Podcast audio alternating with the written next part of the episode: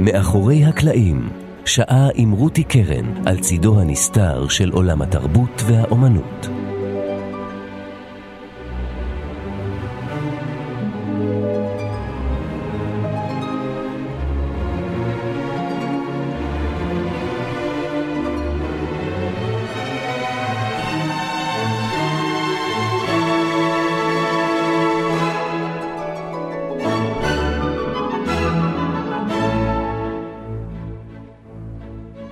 אומנות התיאטרון יוצרת אשליה. אנחנו צופים במתרחש על הבמה ולמשך שעתיים מאמינים שכל זה אמיתי, קורה כאן ועכשיו מולנו.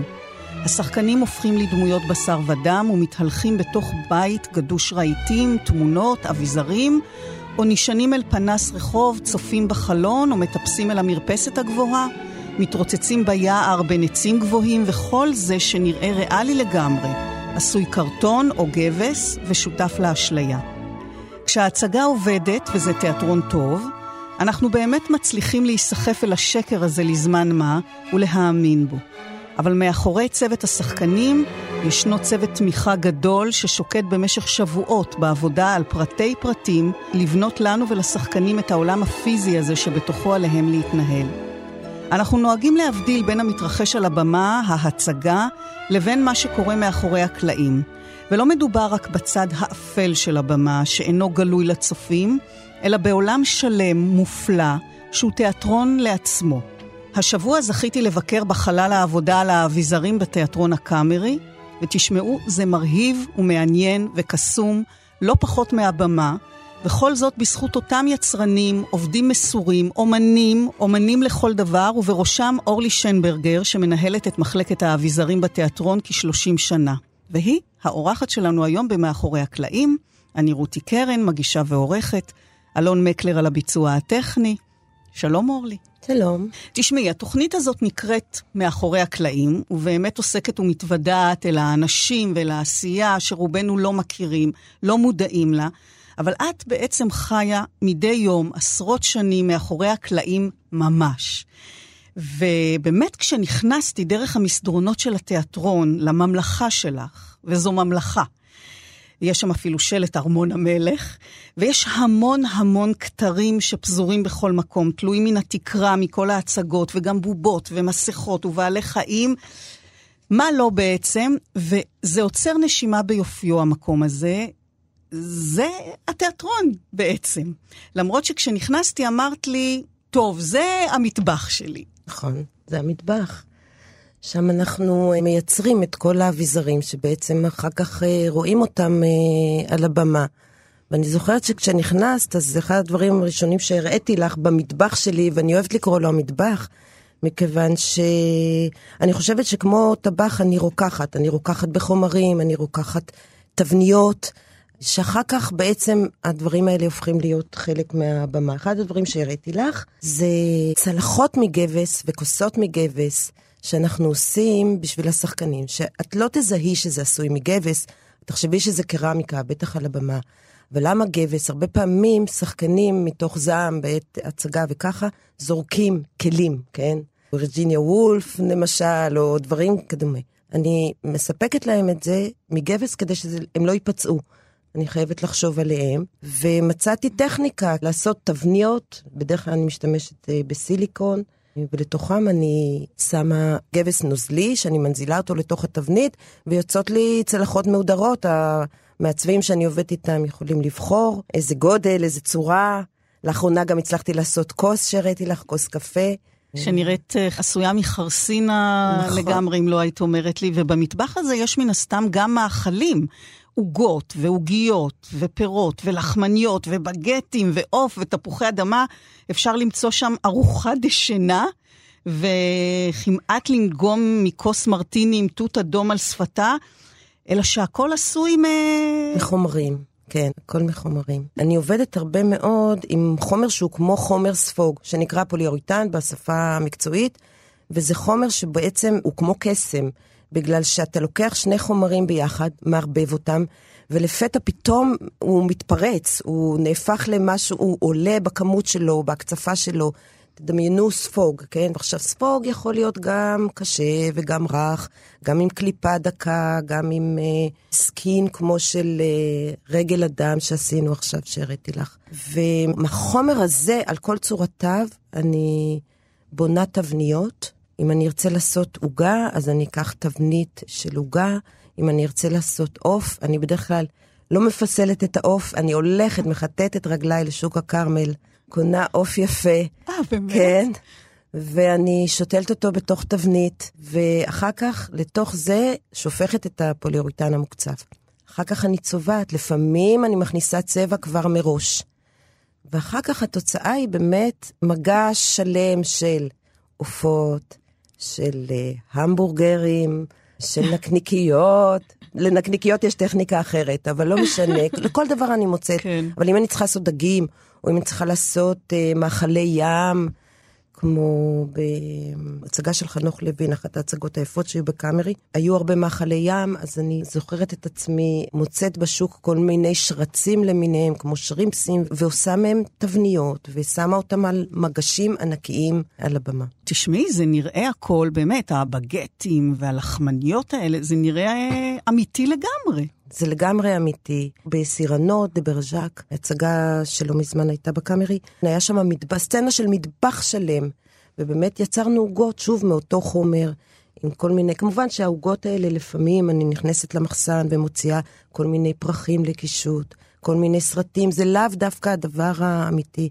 וזה באמת העניין שלי, כאילו, איך אני לוקחת אביזר שהוא אמור להיות אמיתי, אבל במקום קצפת אני יכולה לשים שם שושנים למשל, אדומות, שבקצה שלהם יש פס ורוד, כן? וזה יעשה את התחושה. כן, ואם אנחנו מדברים על אמיתי לגמרי, זה גם למשל מחרוזת מסכיני גילוח, שאני פחדתי לגעת בה, ואז כן. את אמרת לי, זה בסדר, זה עשוי מקרטון, וספלי החרסינה, ואפילו גופות שפזורות uh, שם בכל מיני מקומות, חלקי רגליים וידיים. אז איך באמת גורמים לזה להיראות כל כך אמיתי? איך את יודעת באילו חומרים להשתמש כדי ליצור אפקט מסוים שנראה כל כך משכנע, גם מקרוב, אבל בוודאי כשזה על הבמה והקהל נמצא במרחק ויש תאורה שכמובן מעצימה את זה? כן, גופות אדם בתיאטרון זה באמת עניין מאוד מאוד קאצ'י. היום מה שאנחנו רגילים לקולנוע, שמראה לנו דברים נורא נורא אמיתיים, לפעמים בתיאטרון אני לא הייתי רוצה לשים גופת אדם אמיתית, כי היא עלולה להיראות לא מספיק טוב. מה זה גופת אדם אמיתית? למשל ברצח של חנוך לוין, עוד בקאמרי הישן, היינו צריכים לשחזר שם גוף אדם שמת, כן? ואז עוד לא הייתי כל כך מיומנת בחומרים שהיום אני יותר שוחה mm-hmm. בהם. הגוף הזה היה מאוד מאוד מאוד כבד.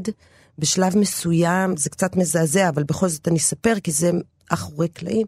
בשלב מסוים הראש של הגוף צריך להיערף ממנו. הבובה נראתה מצוין, אבל הכוח של האמונה שהיא אכן הדבר האמיתי, זה זה שהיא הייתה מונחת על הרצפה רוב הזמן. היא לא זזה. כי ברגע שתזיז גוף, אתה תראה את הפקים שלו.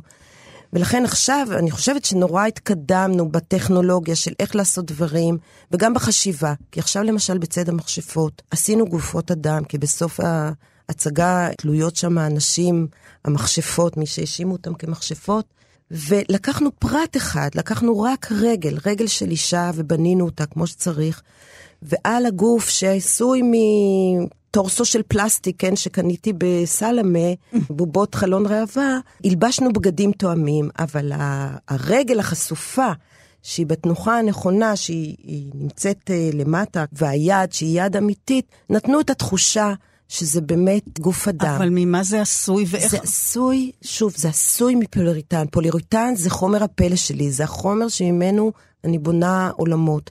בגלל שהוא בא עם כל כך הרבה אפשרויות של רוך וקושי. יש אפשרות להוסיף לו צבעים היום שידמה את הדבר האמיתי. והסוד הגדול הוא לבנות תבניות, בעצם. כי אנחנו אנשי הכאילו, אנחנו אנשים שעושים כאילו, אנחנו אני מדמה עולם, אני מדמה עולם. אם אני עושה לחמניה, אני לוקחת לחמניה ואני מדמה אותה. אם אני עושה רגל של בן אדם, אני אקח רגל של בן אדם ואני אעשה תבנית ממנה. יש לי את הטכניקות שלי, אני, היום יש כל מיני חומרים. אני אוהבת להשתמש בטכניקה הישנה של תחבושות גבס, לחלץ בצורה נעימה מהבן אדם. אגב, הרבה פעמים גם לקחתי פנים של שחקנים כדי לעשות להם uh, מסכות. אני לא מאוד אוהבת את זה, כי יש בזה רגע קצת לא פשוט, uh, שאתה מכסה את נכון, פניו אתה של... אוטם uh, את מ- ה- אתה אוטם כן. את הזה. אבל הרבה פעמים ככה יכולתי לקבל פנים אה, אמיתיות של אה, שחקן ולעשות לו מסכה מרהיבה, בזכות זה שהפנים שלו... כי האיברי גוף האלו שאת הראית לי באמת ידיים ורגליים שעכשיו אה, משמשים אתכם לצד המכשפות, זה נראה אור אמיתי עם הנקבוביות. לגמרי. עם ה- איך- אני חושבת שזה השכלול של היכולת לעבוד בחומרים, והדמיון, והיכולת לרמות. כי את הגוף כיסינו, כיסינו את הראש, שאת לא תראי שם ראש, אלא בפנים יש בכלל כדורגל, כן? כיסינו בשקית ניילון. הלבשנו את זה, ופה אורנה סמורגונסקי, המעצבת שאני כל כך אוהבת לעבוד איתה, עזרה לי מאוד. גם ערן עצמון, שעשינו ביחד את כל הפרויקט הזה של הבובות. אני קוראת להם הבובות, כי הבובות. להגיד גופות זה, כן. זה נורא אכזרי בעיניי ככה. בעצם לבובות. את, אורלי, הגעת מקדמת הבמה, נכון? למדת משחק, ומן הסתם רצית לעמוד ולשחק על הבמה. אז איך מצאת את עצמך מאחורי הקלעים? איך הגעת לזה בכלל? האמת היא שזה מפתיע אותי שבכלל הלכתי ללמוד משחק, אבל אני אומרת, אני מהאנשים האלה שאימא שלהם אה, אהבה משחק, ואימא שלי הייתה גם בתיאטרון אה, חובבים בקיבוץ, כן? ואבא שלי הוא פסל, והתחום הזה של אומנות ותיאטרון פמפם כל הזמן בבית.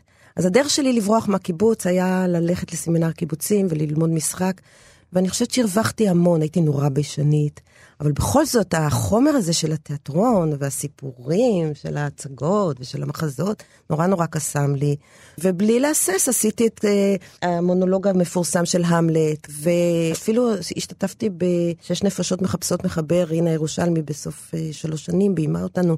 ועד היום היא מזכירה לי והיא מראה לי צילומים. משם צמחתי, אני חושבת, משם צמחתי. אחר כך לימים, אז איך, איך פתאום מצאת את עצמך אה, בצד האחר?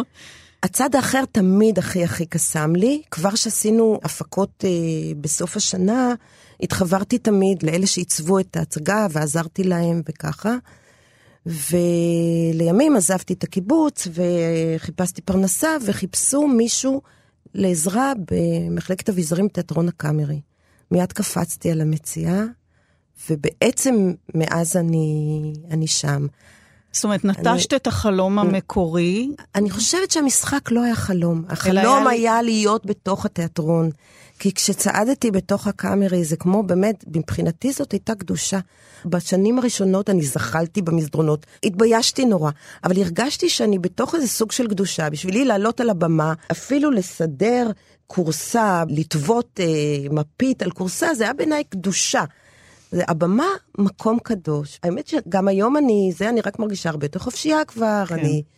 יש לי את האנשים שאני עובדת איתם, יש לי את המעצבים שהם החברים הטובים שבאים ומביאים את העבודה, ואנחנו ביחד עובדים, הבמאי, והסיפור, הסיפור ש...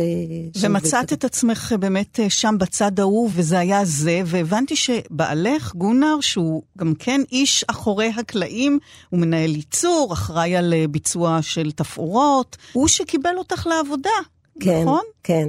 האמת שזה סיפור קלאסי של בוס שמתאהב בעובדת שלו, או הפוך, העובדת שמתאהבת בבוס.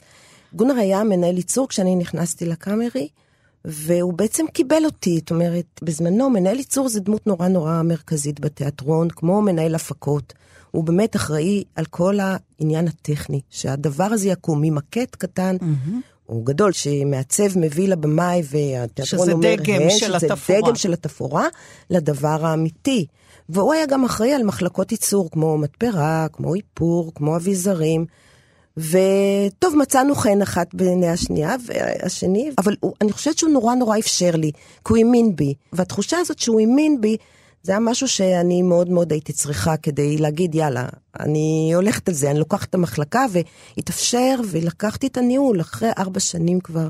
לקחתי את הניהול של המחלקה. אז בעצם זכית גם במקצוע שאת אוהבת ומחזיקה בו שנים רבות, וגם בבן זוג. אה, נכון. אז מאחורי הקלעים צומחות גם אהבות. נכון, נכון. וענייני אחורי הקלעים נמשכים גם הרחק מן התיאטרון אל הבית? אתם מתייעצים ביחד, מתלבטים, כן. מסייעים זה לזה? כן, לפעמים גם מתווכחים על דברים, mm. כן, לא מסכימים, אבל uh, גם uh, מאוד נעזרים. גונר הוא, הוא בא משוודיה, ואני תמיד uh, עושה השוואה בין ה- הידע שלו על אוניות, וכי, כי השוודים הם, הם מפליגים, הם מלאכים, הם כאלה, הם, הם באים מן הים, כן?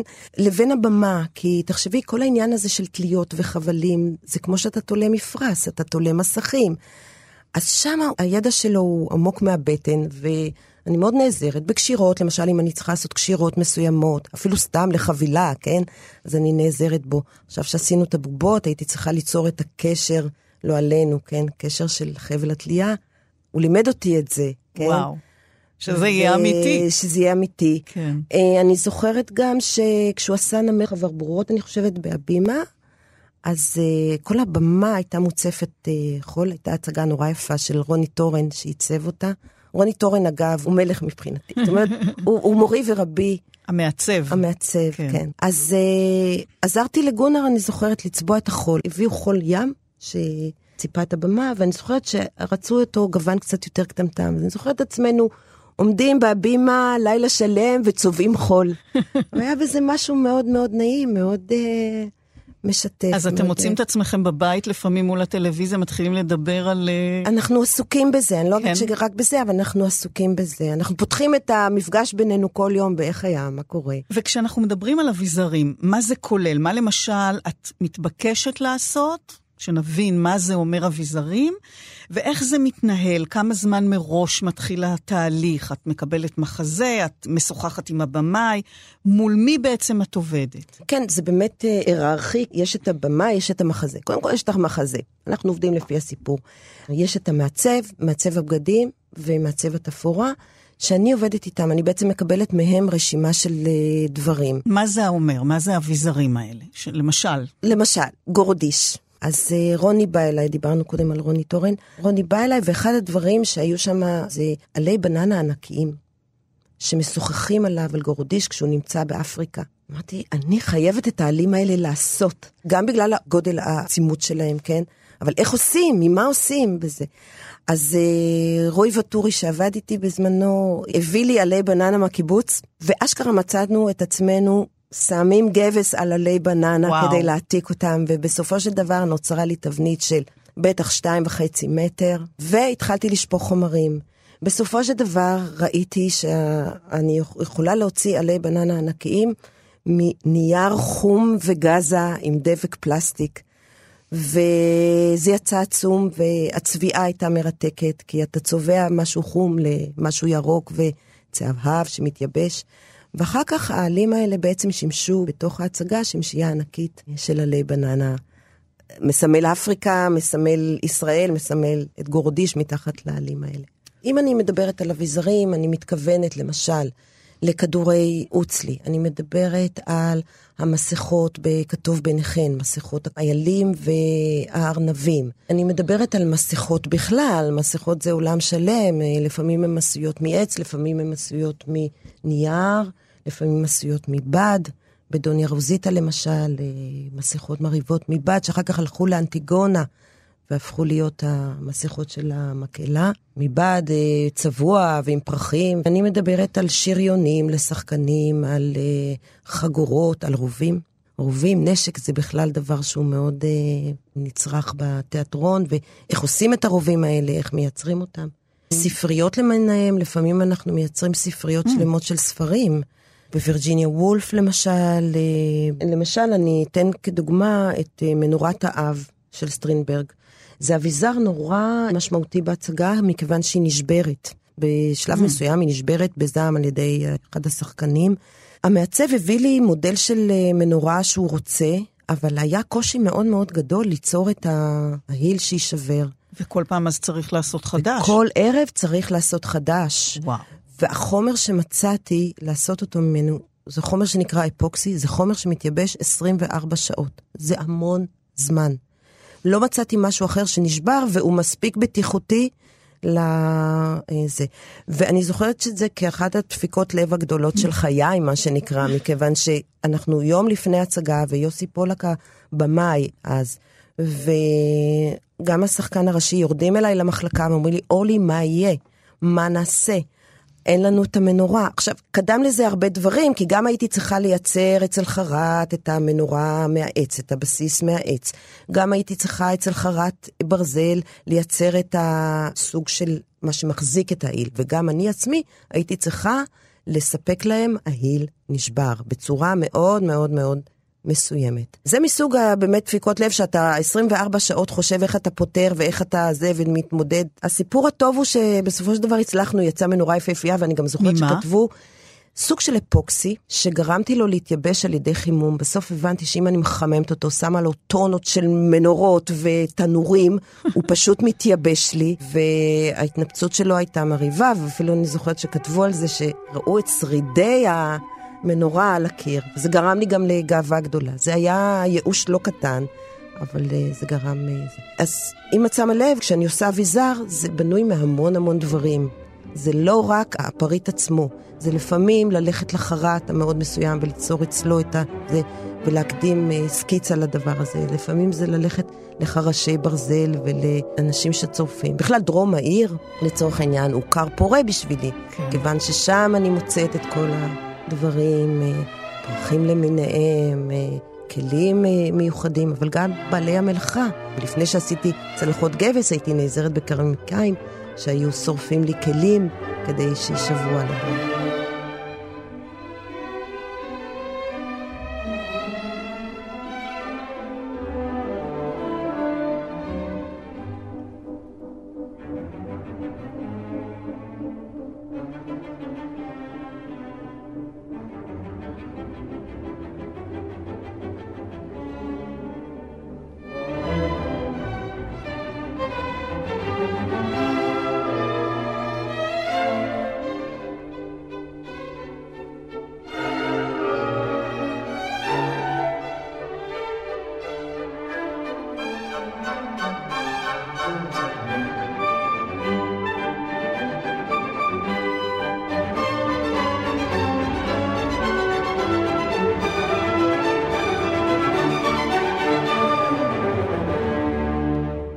ואיך זה מתנהל באמת? כמה זמן מראש מתחיל התהליך? איך, אה, מול מי את עובדת? אני עובדת מול המעצב שעובד מול הבמאי, בדרך כלל אני מקבלת חודש וחצי, ואז בעצם אנחנו עוקבים אחרי הרשימה, אנחנו מנפים. אנחנו לוקחים את הדברים היותר מורכבים, מתחילים לגייס בשבילם תקציב וחומרים, כמו למשל הששיות בכנר על הגג שהיינו צריכים, שזה גם כן, זה נורא דומה למה שאני הזכרתי קודם ממנורת האב. היינו צריכים לעשות הששיות שיורדות מהתקרה, הרבה, ואיזה 20 אני חושבת, אז זה התחיל בללכת לשוק הפשפשים ולחפש יחד עם רוני את הששיות, את הגוף שלהם, ואחר כך לעשות את הגוף, מה שהזכוכית, את יודעת, את מכירה את הזכוכית, מה שהיה פעם מנורות mm-hmm. נפט, מה שקראנו, אתה לא יכול לשים זכוכית על הבמה, אתה לא יכול. אז צריך היה לחשוב איך לעשות את זה מחומר פלסטי. חומר פלסטי, אז שוב הייתי צריכה ליצור תבנית מעץ אצל חרת, על פי סקיצה מאוד מסוימת, ואז יש טכניקה שנקראת ואקום פורמינג, שאתה בעצם מושך פלסטיק בחום על תבנית. וככה יצרנו את העששיות האלה, וחיברנו להם את הגוף הזה מהפלסטיק. נראה מצוין, אתה שם קצת צבע, קצת לקות, קצת שיהיה את הברק של הזכוכית, וזה נראה מעולה. את זוכרת שיתופי פעולה מפרים במיוחד עם תפאורן מסוים, במאי מסוים, שמצאת פתרון או עלה רעיון מיוחד לאיזשהו אביזר? כן, אני חושבת שכל הזמן אני עובדת בשיתוף פעולה, אני כל הזמן גם אה, מראה לבמאים חלקי תוצאה. למשל, עכשיו שעשיתי את מסכות האיילים בכתוב ביניכם, אז עבדתי מול לילי בן שהיא מעצבת מופלאה, והיא באמת נתנה לי המון המון חופש.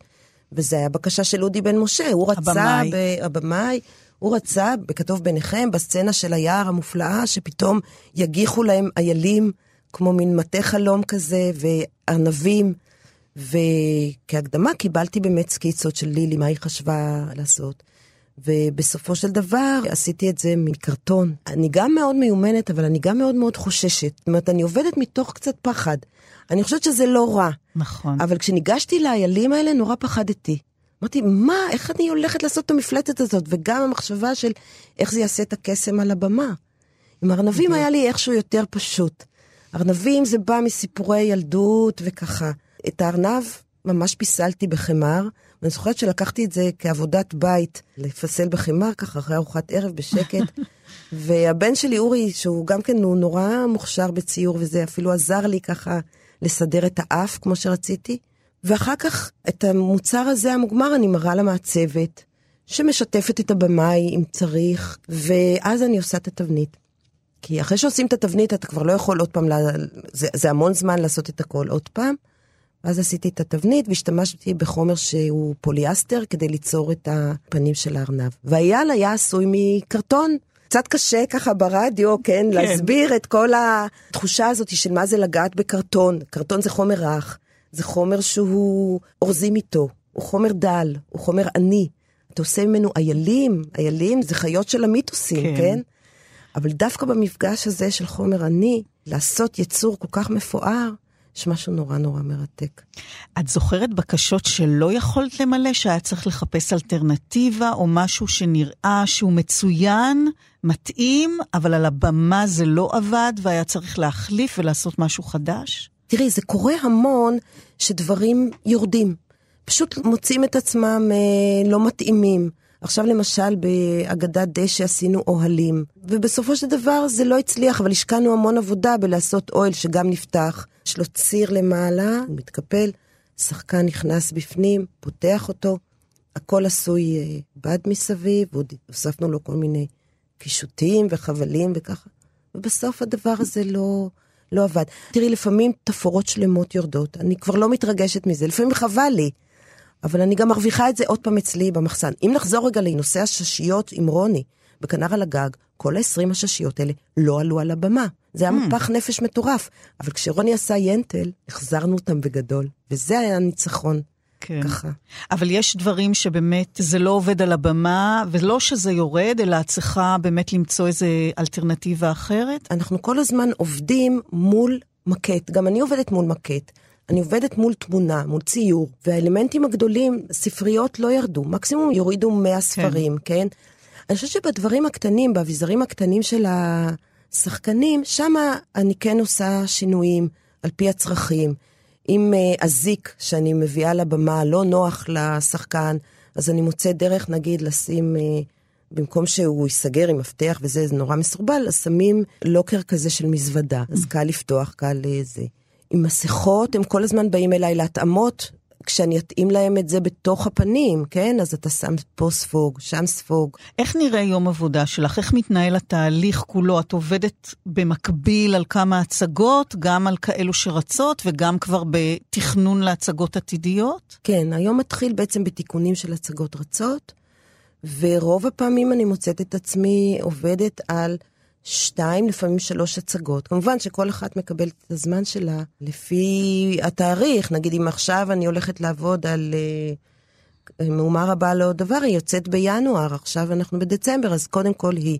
הילד חולם של עמרי ניצן, יחכה עד לפברואר. אבל uh, בתוך העבודה, אני כן, אני מגייסת צוות, עובדת איתי נטשה המופלאה. באופן קבוע, אבל אה, כשאני צריכה עזרה, אני לוקחת את אה, שרי, שהיא גם כן אומנית מופלאה שיודעת לייצר אביזרים מדהימים. בעצם אני קונה חומרים.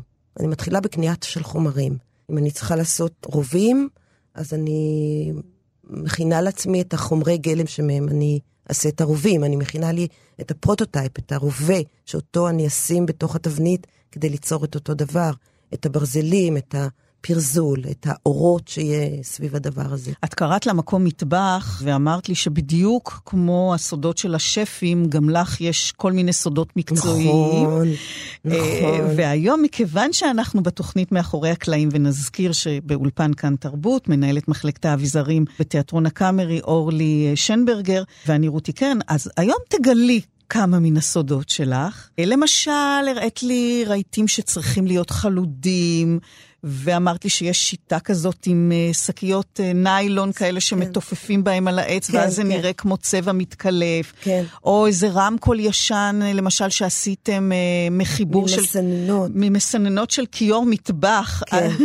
אז באמת, בואי ככה כן. תשתפי אותנו בכמה סודות. כן. קודם כל, אני אוהבת לגלות סודות. בעניין של צביעה, אני גם מתעסקת הרבה מאוד בצביעה של רהיטים, באמת, כמו שהזכרת. יש איזה משהו מאוד מסורתי, נגיד הציירים, כשעבדו באקריליקים, עבדו באקריליקים, שזה על בסיס מים. כשעבדו בשמן, עבדו בשמן, שזה על בסיס טינר או שמן וככה. אני מערבבת ביניהם. אני לוקחת את המים ושמה בפנים את השמן ושופכת את הכל על מצע רטוב של כיסא, של שולחן. והפיצוצים שיוצאים מתוך החומרים האלה של צבע שעשוי משמן וצבע שעשוי ממים, מרהיבים. צבע של חלודה זה תמיד יהיה כתום. צבעי לזור שצובעים איתם רהיטים, שיש להם איזה סוג של שקיפות, יש להם את הגוון הנכון. יש את השלק. שלק זה חומר פלאי, אני מגלה לכולם, תדעו לכם, שלק, הוא גם מתאים. מה זה שלק? מה זה שלק? בכלל, כשדיברתי על פוליאוריתן, פוליאוריתן, אני מוכרחה להודות, הוא לא חומר כל כך אה, ידידותי לסביבה, היום אנחנו נורא נזהרים. שלק, ידידותי לסביבה, לקה מדהימה. שלק עשוי משרף עצים. מערבבים אותו באלכוהול, חשוב להגיד 100% ולא 70, כי הוא לא יתערבב ב-70.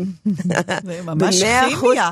כימיה, ב-100% הוא יתערבב מעולה, ויש לו את היכולת לעשות פטינה מדהימה על ניירות מכתבים מיושנים, רהיטים, גם כן תוספת של צבע חלודה ופטינה לכל מיני רהיטים, אה, שולחנות, אה, ארוניות, אה, וסתם ליישן כל מיני דברים.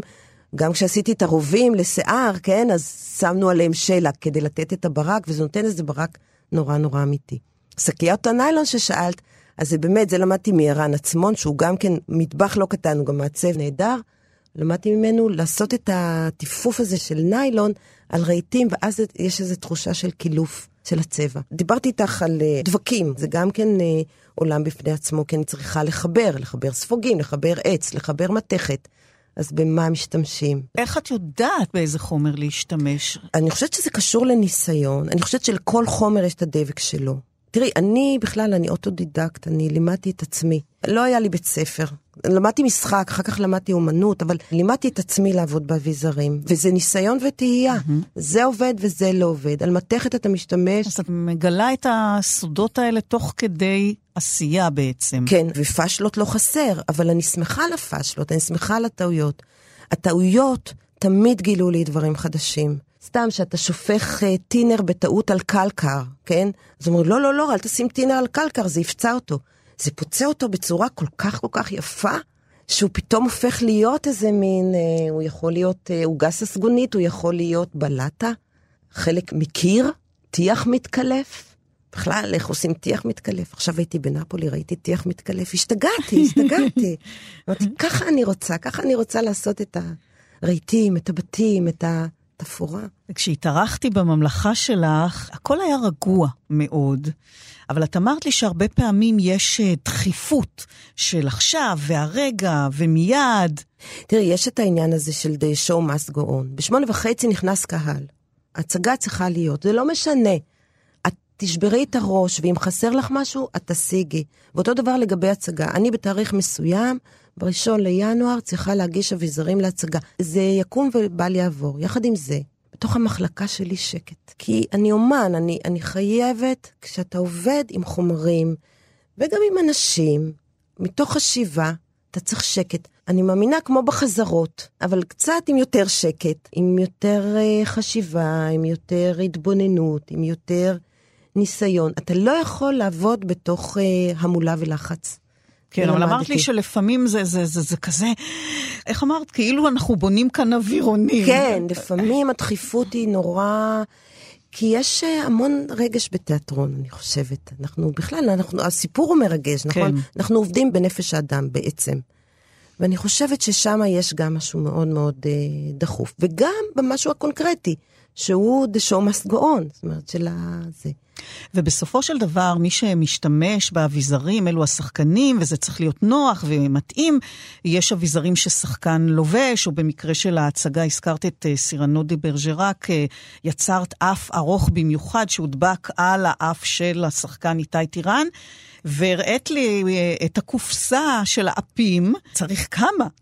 נכון. אז כמה באמת את במגע ובתקשורת וניסיון להתאים את האביזרים לשחקנים עצמם? תראי, במקרה הזה באמת, את התבנית לא אני יצרתי, כל תהליך העבודה נעשה עם גורם חיצוני, ואני קיבלתי בעצם את התבנית והייתי מייצרת את זה ערב-ערב. במקרה הזה הייתי באמת בקשר עם אשת האיפור, כן? כן. וסיכמתי איתה על מינונים של רוך. כדי שלאיתי זה יהיה נוח ויהיה לו נעים. והוא גם בעצמו היה אומר לי, אורלי, תקשיבי, הפעם זה יצא קשה מדי, לא יודעת, תנסי לרכך את זה קצת יותר. ובאמת זה קשור לניסיון אה, של כמה אתה מוסיף עוד מהחומר הזה, ועוד מהחומר הזה, ואולי קצת פחות צבע, ואולי אתה דוחס קצת יותר את התבנית, אתה לוחץ אותה יותר, אתה משחרר אותה יותר. על מנת להגיע, ובאמת בסופו של דבר הגעתי, אני חושבת שעשינו איזה 500 דפים, זה מטורף, לא, כי היו המון המון הצגות, לשמחתי, הצגה מופלאה. אה, זה כל הצגה אף חדש? כל הצגה אף חדש, כיוון שזה נקרא, השוליים שיושבים על הפנים היו דקות, דקות, דקות, דקות. כדי שזה לא יפריע לו. כן, וכשהיו מסירים לי את זה, אז הדבק כן. פצע את האף הזה. ואביזר ששחקן משתמש בו, לא רק אביזר קישוט כתפאורה ברקע, אלא באמת כזה שהוא צריך לעבוד איתו, לשתות מתוכו למשל, להילחם איתו, לשאת אותו על ראשו או על פניו, זה משהו חשוב מאוד לפעמים. אביזר גם יכול להיות פתרון לשחקן לעיצוב הדמות, יש לא מעט סיפורים כאלה. שחקן מחפש את האפיון של הדמות והאף, או מקל, יכול פתאום לעזור לו למצוא את אופן העמידה, או את אופן ההליכה, את אופן הדיבור. את זוכרת מקרה כזה שהאביזר שלך באמת, אה, שחקן בא ואמר לך, תשמעי, אורלי, ממש עזרת לי? קודם כל אני יכולה להגיד שאני מקבלת תגובות נורא נעימות משחקנים על דברים שמגיעים אליהם, ואני תמיד נורא נורא שמחה בזה. אבל אני לא זוכרת משהו מאוד ספציפי, ואני אגיד לך, יש משהו בעבודה שלי שאני גם uh, קצת מקפידה על גבולות. במובן הזה, שכשאני מקבלת רשימה של אביזרים, נורא חשוב, שחקנים רוצים הכל והמון, ולא תמיד הם צריכים את זה. להפך, כשאני אומרת להם, תשתמש באזיק המסוים הזה, יהיה לך טוב, והם שומעים בקולי, אז הם מרוויחים מזה. עשיתי לך את הכתר הזה לא סתם, מתוך מחשבה עם הבמאי ועם המעצב, תשתמש בזה, ארכך לך אותו, סדר לך אותו שזה יהיה יותר נוח, ותשתמש בו, הוא נכון.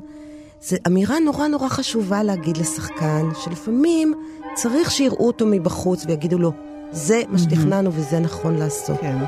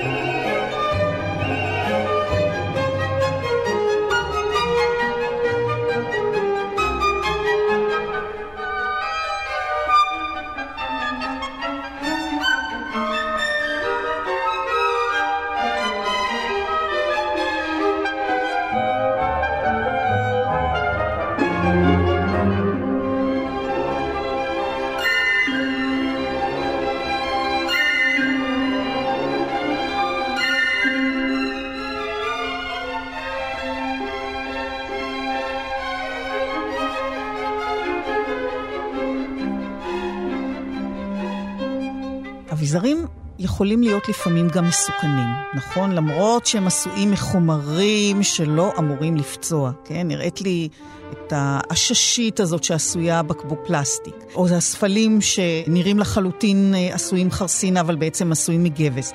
ובכל זאת, תאונות קורות. כן, היה פרויקט של הריצ'רדים, והייתי צריכה... ריצ'רד לס... השני, ריצ'רד, ריצ'רד השני וריצ'רד השלישי של שייקספיר. פרויקט מאוד מאוד אה, מוערך של הקאמרי, גם יפה לתפארת.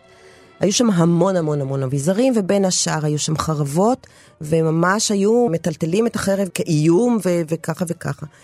ודיברנו קודם על לחץ, ובאמת אני זוכרת איזה סוג של לחץ, זה היו שתי הפקות ריצ'רד לעשות בבת נכון. אחת, בזמן קצר. הזדרזתי ועשיתי להם חרב שנראתה למעצב מצוינת, והייתי צריכה לחזק אותה. חרב שאתה שם על במה, חייבת שהיא תהיה מגוף אחד. שלא יתפרק, שלא... זה... אחר כך תשים איזה קישוטים, איזה שאתה רוצה, אבל היא לא יכולה להתפרק על הבמה. החרב שעשיתי הייתה עשויה משני חלקים, עליו והידית. למה? מכיוון שזה מה שהיה לי במחסן, וזה מה שמצא חן בעיני המעצב והבמאי, ואז הם אמרו, אורלי, את זה אנחנו רוצים. הלכתי למסגר שלנו, אמרתי לו, תהלכים לי את זה טוב טוב, שזה לא זה. sure enough, באחת החזרות, החרב התפרקה, עפה, שרטה את פניו של יוסי גראבר, ולא קרה כלום למזלי, אבל המקרה הזה העיר לי נורה אדומה. אחר כך אני מודה שמי שהצילה אותי הייתה ריבה גולדברג, שהייתה מנהלת הפקות מופלאה שלנו, שהיא מיד, היא נורא מהר התגייסה לדבר, גם לעשות איזה נעימות בתוך, גם להרגיע, גם אותי, כן? וגם למצוא מיד פתרון, באמת אה, הלכנו לחרת ברזל, קיבלנו חרבות, תוך יום היו לנו חרבות שעשויות מחלק אחד. חלק אחד. ומה קורה אם אביזר מתפרק תוך כדי הצגה? נשבר וצריך חלופה מיידית. לשם כך יש את אביזרניות.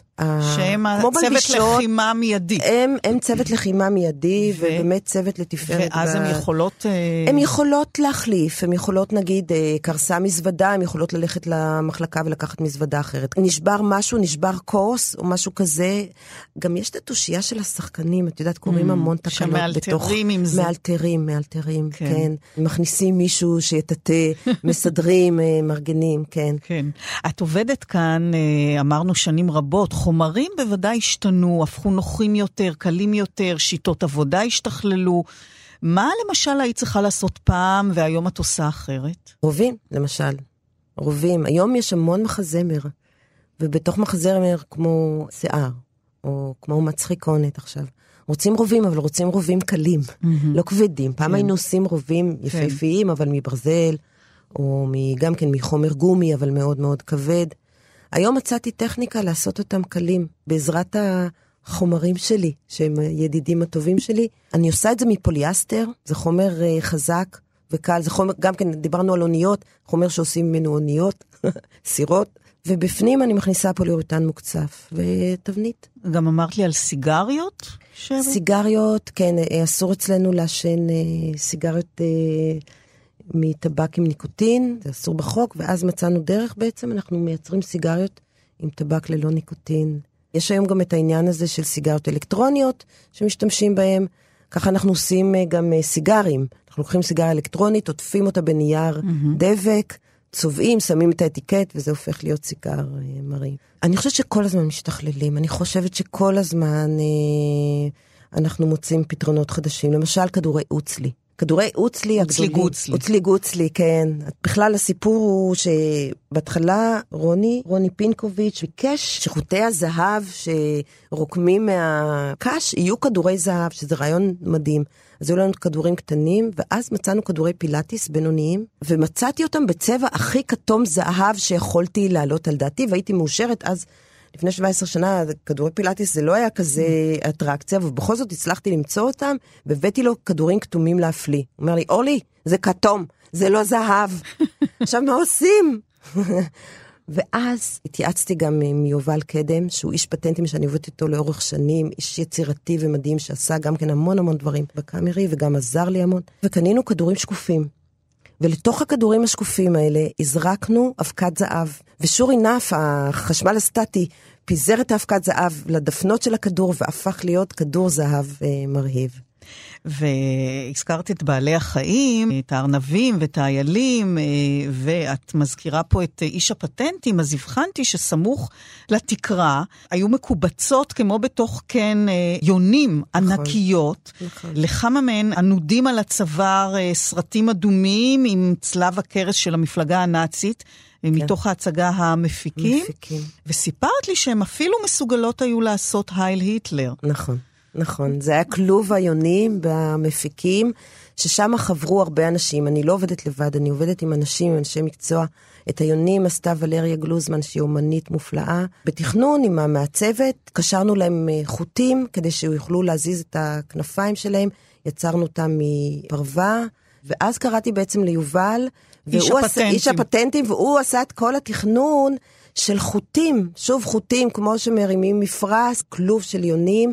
לכל יונה היה קשור חוט, מאחורה היה מפעיל, זה הכל היה בתכנון של uh, יובל, ולרגע, לאות של ה-Q, היונים האלה היו מרימות כנף בבת אחת. ועושות uh, היילית. ואת uh, מספרת שהעבודה שלך נעשית באמת בשיתוף פעולה עם uh, איש הפטנטים ועם המעצב ועם uh, צוות שעוזר לך. Uh, קרה שגם uh, נאלצת uh, למצוא פתרון לבד? ו... כן, שנשארתי לבד יתומה, אמרו לי, זהו, זה שלך, תשברי את הראש. אז זה הציפור בהשכבה. את ההצגה פותחת ציפור שמופעלת על ידי מפעיל, ציפור עשויה עץ דק, עץ קל, יש לומר, על ידי הזזת כנפיים, זה העגור המפורסם שפותח את ההצגה וסוגר את ההצגה. ולימים אני זוכרת שהבאנו לחנוך כל מיני אפשרויות, אה, על פי דרישה של אה, רקפת גם, ציפור מפרווה, וציפור מנוצות, וציפור ועורב, וסכנאי, וכל מיני דברים. ולכל הוא אמר, לא, לא, לא. ואז רקפת אמרה לי, תקשיבי, לא יודעת מה הוא רוצה. לא יודעת, תשברי את הראש. ולמזלי יש אנשים נורא טובים שעובדים סביבי. הדס, יקירתי, אהובתי, מנהלת המתפרה. הילדים שלנו היו קטנים, אני מדברת איתך לפני 17 ו-18 שנה, הילדים שלנו היו קטנים, ולהדס הייתה ציפור חוטים כזאתי, שזזה. היא אומרת, אורלי, אני אביא לך. צריך לעשות דבר כזה, זה יהיה הכי יפה. והביאה את הציפור, הראיני לו חנוך, הוא אומר, כזה, אני גדול. ואני רוצה שזה יהיה הגור, אורלי. הגור, הגור, הגור. היה לנו נורא חשוב הדימוי הזה של הגור, ואז פתחתי ספרים. בכלל, אני לפני דור האינטרנט. ספרים, והסתכלתי מה זה הגור וזה. ומצאתי מישהו שפיסל את הציפור הזאת מעץ, מעץ קל, ואת החוטים ממש רקחתי כמו הציפור של הדס, מהבית, ציפור של הילדים, ממש משכתי את החוטים בדיוק כמו הציפור הזאת. וזאת הציפור המופלאה שפותחת וסוגרת את ההצגה. היה מקרה נוסף שגרם לך לאיזו התלבטות, והיית צריכה ככה לשבת עליו הרבה, ו... היה את ה... זה אחד האביזרים הגדולים שקיבלתי, רותי דר המופלא, שגם כן מורתי ורבתי, מורתי ורבתי, באמת. אישה קסומה... שהתארחה גם כאן אצלנו בתוכנית לפני כמה חודשים. למדתי ממנה המון. אז אחד הדברים שהייתי צריכה לייצר עבורה זה כנפיים במלאכים באמריקה, קרן מור, עולה למעלה עם הכנפיים, כנפיים ענקיות בגודל של שניים וחצי מטר. איך עושים דבר כזה? ועוד הייתי מאוד מאוד ירוקה בתחום. ואני זוכרת את עצמי יושבת שעות בבית, פה באמת נעזרתי גם עם גונר. הכנפיים של הציפור הן מסודרות בצורה נורא נורא מסוימת. אתה לא יכול לעשות אותם אחרת, זה בא באורך מסוים, נושק אחת לשנייה בצורה מסוימת, ואני זוכרת את עצמי פשוט יושבת ומתחבטת ביני לבין עצמי עם הצורה, ואחר כך אוספת נוצות, צובעת אותם ומרכיבה אותם על רשת.